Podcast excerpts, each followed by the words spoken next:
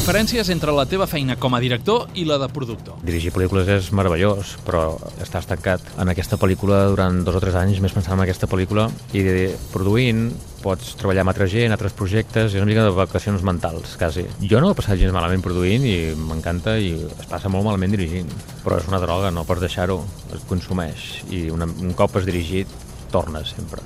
Jo, molta gent que conec que ha fet una pel·lícula tots volen fer la segona encara que diguin que no. I Hollywood és un món tan salvatge com sembla? Dintre de que tothom diu que sempre ningú diu la veritat, és un món molt honest. I, i s'aprecia molt la honestitat de quan te la diuen a la cara.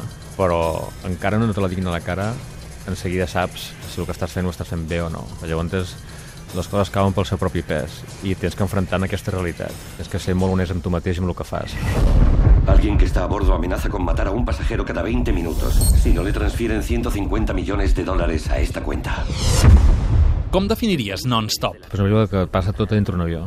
Llavors és una mica claustrofòbic en aquest sentit i molt dinàmic en un altre, perquè és com si fos un relat de l'Agatha Christie però amb acció. I què et fa tornar a fer una pel·lícula amb Liam Neeson? Tenim aquesta relació, com li passa a molts directors, que troben un actor que pot encarnar el personatge que funciona per les seves pel·lícules i, i ens hem trobat i ens agrada treballar junts. Finalment, el teu nou projecte ja està rodat. S'estrenarà als Estats Units a finals d'any i torna a protagonitzar-lo Liam Neeson. Totalment diferent a, a el que he fet abans. És una pel·lícula de màfia a Nova York, es diu Run All Night, passa tota de nit i li està corrents.